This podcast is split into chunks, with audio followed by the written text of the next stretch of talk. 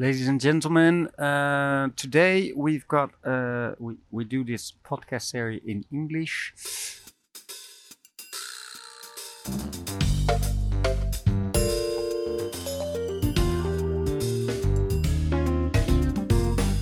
I think the cities have a really important role to play in this because they are the key to make sure that whatever MaaS platforms are introduced in an area, the end goal is to serve societal needs. Dames en heren, welkom bij deze speciale podcastserie over Maas, Mobility as a Service. Misschien een van de grootste buzzwords van de afgelopen periode.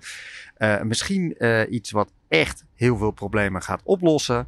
Mijn naam is Geert Loppenburg. Deze serie maak ik met Karen ten Hagen. Die is op vakantie, maar ik ben als een speer vandaag uh, richting Den Haag Centraal gegaan. Want Nico Largo komt zo aanwandelen. Dat is een van de topwetenschappers op het gebied van mobiliteit. Uh, is verbonden aan TNO in Delft en ook verbonden aan een aantal gerenommeerde universiteiten in Amerika.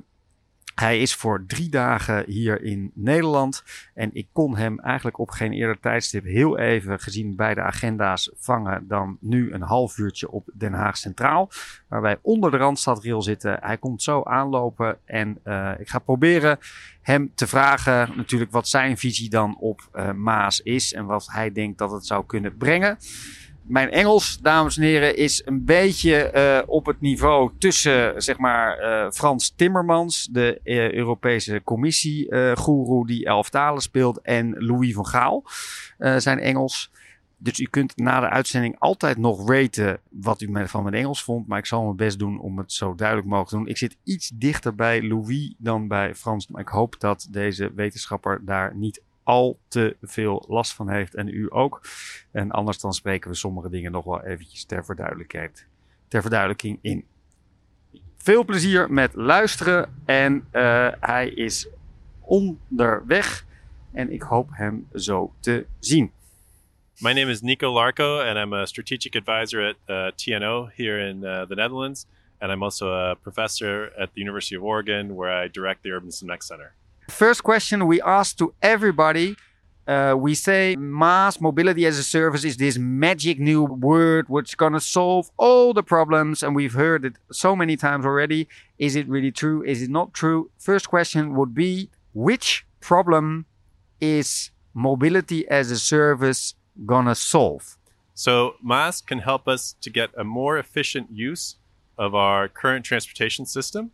So, things like, you know, uh, increasing the the utility, efficiency, accessibility of um, our public transit systems, giving mobility options to more people, and also potentially this is this is an important piece. If we do it right, we can be shifting the whole transportation system to more sustainable modes.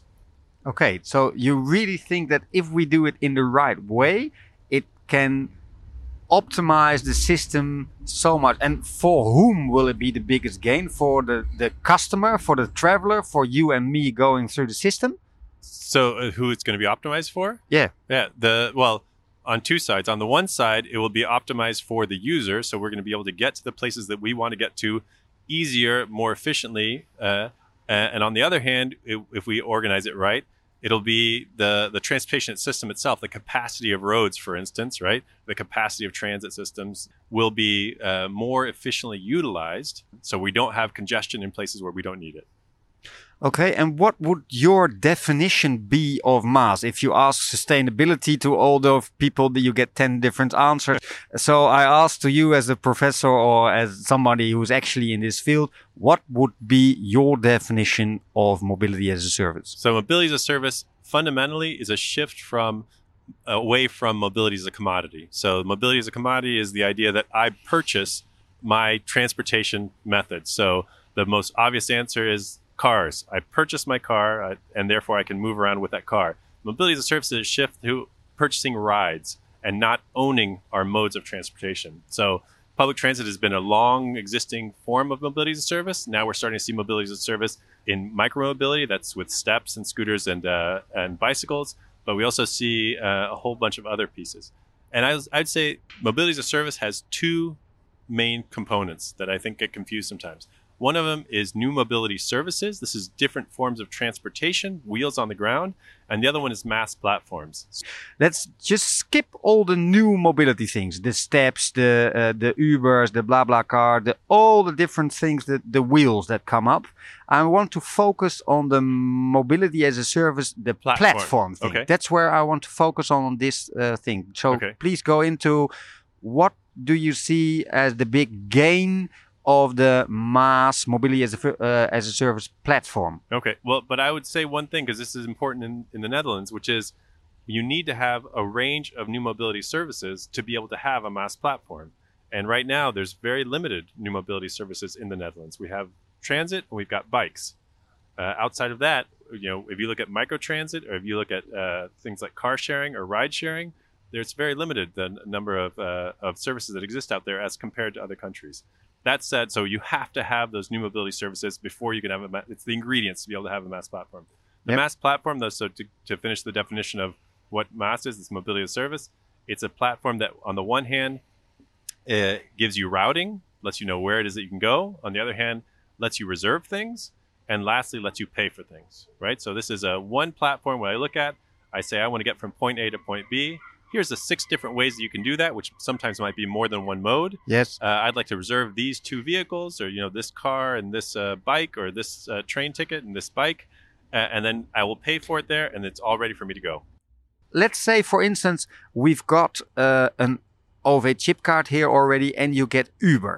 Uh, Uber I call a vertical plat- platform that Uber is going to do everything for me. Uber Pool, uh, what have they got else? They've got uh, bikes, they have Yes. bike share, they have scooter share, they've got ride share, and they've got uh, microtransit, kind of, which is yeah. with Uber. So Pool. that's a vertical platform being Yeah. owned by one company yes, a vertically integrated platform. One company has And all the different modes, and, and, solves all my problems. Yeah, and so so there, the Uber is kind of an interesting example because they have all the different modes and new mobility options, and then they're also running the platform. So they have the app that lets you do And they have the assets. yeah, and they have the assets, right? So they have both pieces of this, and that is so in the U.S.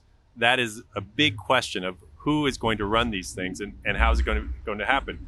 Right now, what we're seeing is a lot of these vertical, uh, vertically integrated platforms, also called walled gardens, Yes. uh, that are happening. So Uber has all these different uh, modes that you can get to. Lyft, which is another company like Uber in the United States, has all these different modes. Waymo, we're seeing going in that same direction. That's Yes. Google's autonomous vehicle arm. Ford Smart Mobility is looking at similar things. And if you talk to these companies, which we do over there, what they're interested in is being the company that has all these options. So you can imagine in a few years in the future, if this plays out, that you're not going to be figuring out which, you know, which bike share company I want to use for this. You're going to be figuring out which subscription service I'm going to use and what bike share companies are underneath them. So that's where they see the big fight happening. What do you think is the biggest problem on a vertical platform? The problem with vertical vertically integrated platforms is that it reduces the opportunity for competition. So if Uber owns these four companies that end up running, you know, have all the mobility options, that is that they will not allow a different bike share company or scooter share or uh, definitely no, no other ride share companies to be part of that whole equation. So what they're doing is they're kind of li- helping create monopolies around this. That reduces competition. Uh, I think that is one piece. The other piece is that it makes us dependent on one private company for our transportation options. So much like you're seeing kind of in the in the in the social media world, right? That you know the company's trying to become a place where everyone goes for their social media as this you know Facebook or Yep. right? Yeah, that's that's not, maybe not great, but okay if it happens in the social media world. But transportation is a fundamental need that we have, right? So what happens if a company, a single private sector company, is owning all of our transportation options? Like you could say right now that transportation is privatized because we each own our own car, let's say, right, or each own our own bikes. But it's different when it's a company that owns, like a single company that owns all those options. There, it's it would need to start acting more as a utility, the way that public transportation works, right? So that, that and it's regulated much higher. And do you think then, on the other hand, uh, you've probably heard of it that in Holland, there uh, the uh, Ministry of Transport is trying to do seven pilots on mobility as a service and trying to do it in a new way. What do you think of this idea of these seven pilots? So I think it's brilliant the work that the Dutch government is doing in trying to get ahead of the, the issue and figuring out what role the government can have in one, helping instigate a lot of this investigation, and two, testing it out, right? I, I think we're in a moment where things are changing really quickly. And so we need to take risks, we need to try things out, we need to learn, and we need to modify. And it has to iterate. And uh, I think the seven pilots are really focused on doing that, trying a lot of things out, getting the pub- private sector involved in this, developing the conversation between the public and the private sector, uh, figuring out where things are working, modifying where they're not. I think it's a really good first step in that direction. Have you got a role in those uh, pilots? Do you do anything? Or do you do research on it? Me particularly, no. So TNO has a significant role with the, the learning environment uh, with these things, with the with the seven MaaS pilots, and I've collaborating on that piece, but directly I'm, I'm not working on that. Is there a MaaS provider in the world already where you see so many ingredients where you think, hey, that's where you should look at. That's the way it's been organized. It should be done. Have you got an example of it? Yes. So I, am gonna I'm gonna take that as a two part question. The one is uh, the the MaaS platforms that are working, and two, uh, how they're being implemented in terms of the public and private sector. So MaaS platforms that are working there's different uh, variations of that, and there's a number of them around the world that are that I think are good to look at. So Whim actually is you know doing interesting work. There's a couple of both smaller ones, but then also Uber. I mean, if you look at a platform working, they're doing a good job with integrating the technology and having a place one-stop shop where you can go and get all the options. Yeah, great for the customer. Great. great. In terms of implementation for long-term like goodness to the world, a place that's really doing interesting work is Antwerp, and the the city has been very proactive in trying to develop a marketplace to bring the private sector in to be interested in this. The, the public sector has done a lot of work to help foment that, to make it happen. And they've also been they're they're in the early stages of this, but they have a great start on figuring out how to make sure that it does not become a monopoly. I'll I'll give you an example. Because they do not they want to make sure that they are not creating monopolies and making sure that they're leaving an open playing field for everyone, which in the end I think will serve the general public much better is that they've said that there's no single transportation provider that can be on any only one MaaS app. You have to be on at least two MaaS apps. Say that say that again for so me. So any service provider, any transportation service provider, any wheels on the ground, yeah. if you come in and you say I'm going to work in Antwerp, then you have to be on at least more than one app. More, more than one MaaS app. So what that means is for instance, Uber who wants to have the MaaS app are not allowed to have Uber services, Uber Pool, or any of their uh, scooter services or bike services unless they're on MaaS apps other than their own as well. Which main question do you should I ask to you where I say, okay, these bloody journalists or these people who are doing these research, they never ask me this. So let's turn it around and say, okay, this is a question I wonder, I'm dreaming about, I think about. Oh, so I'll give you an example. A good question. Yeah. what should be the role of the public sector and the private sector in the development of these platforms? So, in other words, what should be the role of cities, for instance, in developing MaaS? Okay. Okay, then we go to the government. What should be the role of national government or local government in introducing the MaaS apps within your city or country? I think the cities have a really important role to play in this because that they are the key to make sure that whatever whatever MaaS platforms are introduced in an area, the end goal is to serve societal needs. Again, and, and, and to, to achieve community goals. If we're just let this happen on the private sector side, chances are the motivations are profit, which is fine. That's actually good, right? That that's that's the way the private sector works and, and, and has created great things from that.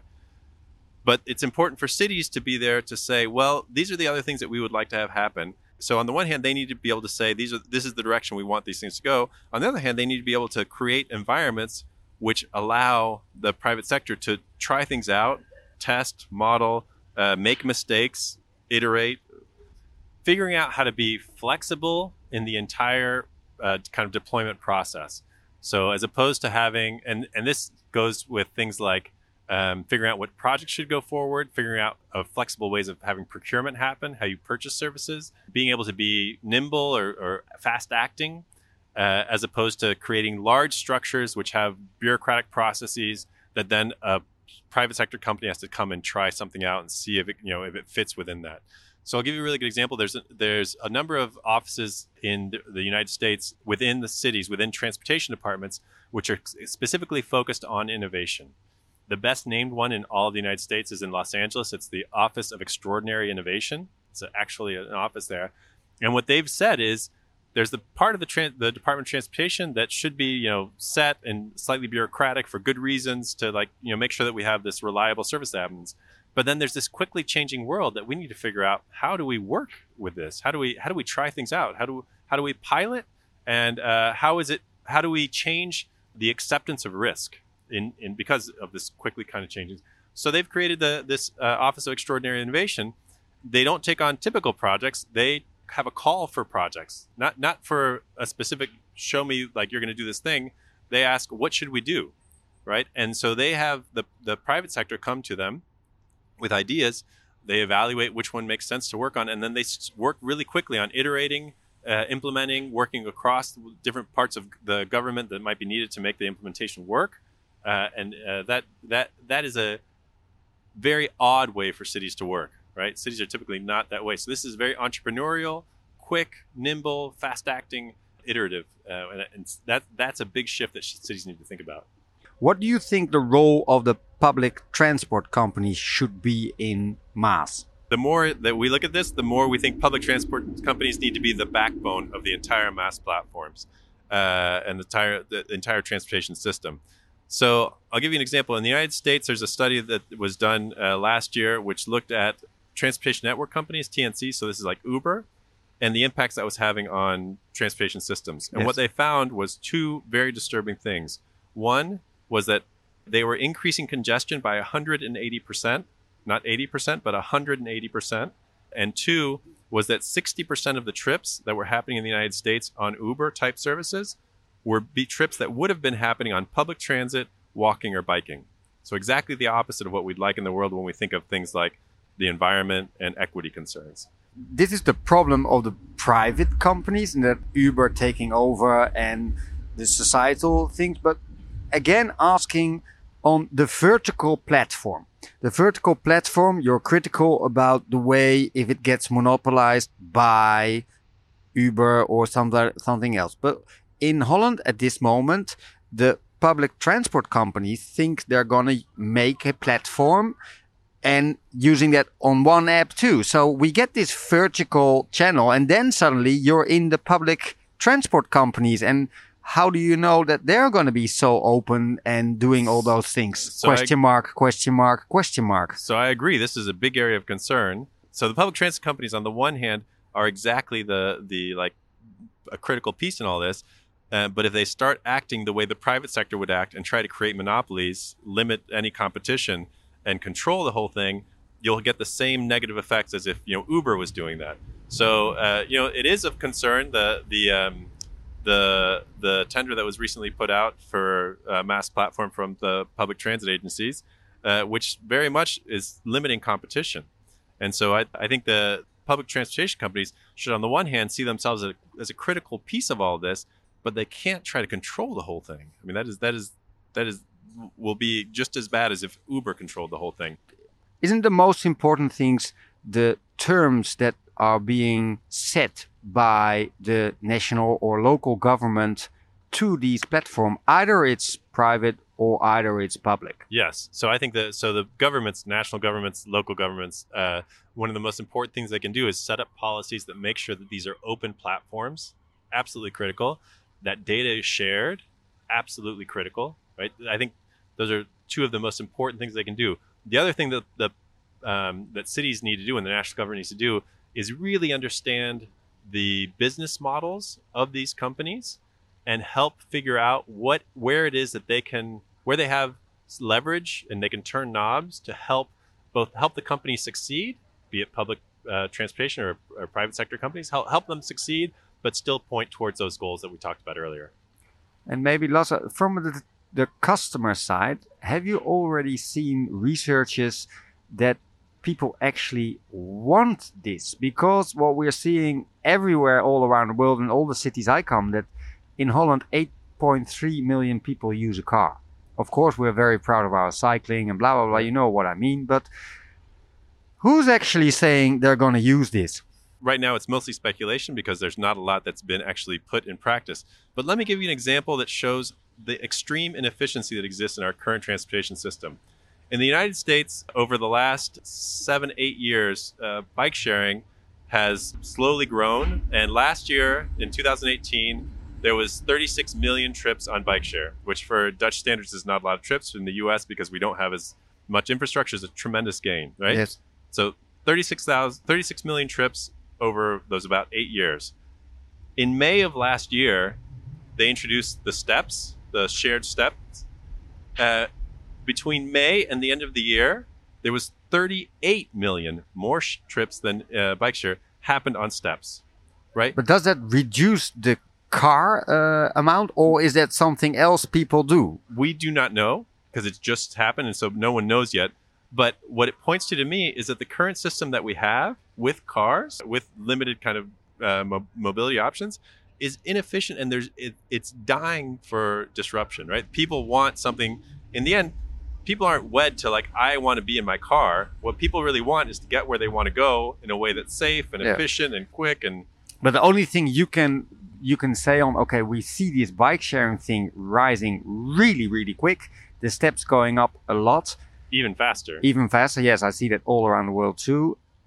But still, do, do people who normally use their car for 10 to 15 kilometer or 20 kilometer actually gonna change and totally rely on this MaaS app that's gonna work my way around from A to B all the time? So we're early in figuring that out, but there are some signs that show that uh, this could be happening. So there's been some studies in the U.S. that have shown that people who are using transportation network companies, Uber type services, are not buying that second car or becoming car free.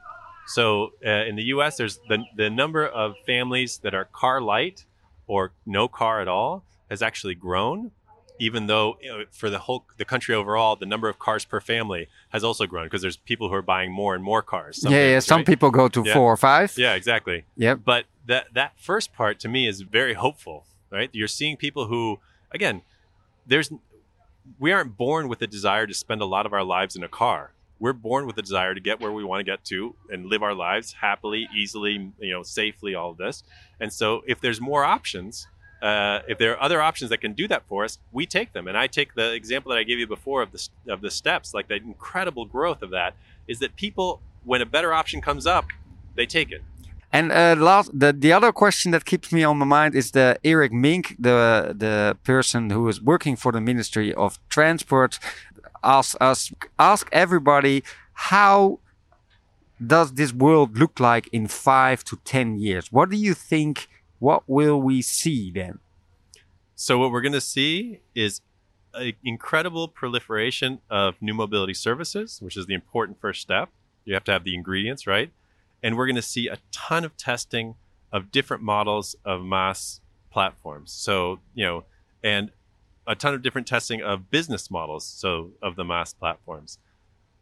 That is the hopeful piece, right? If, if things go well, we'll see a whole lot of that. The not hopeful one would be that a company like Uber or you know or one of the public transit companies comes in early, quickly, creates a MaaS platform and a, a kind of structure around it that kills any competition, and we are left with you know.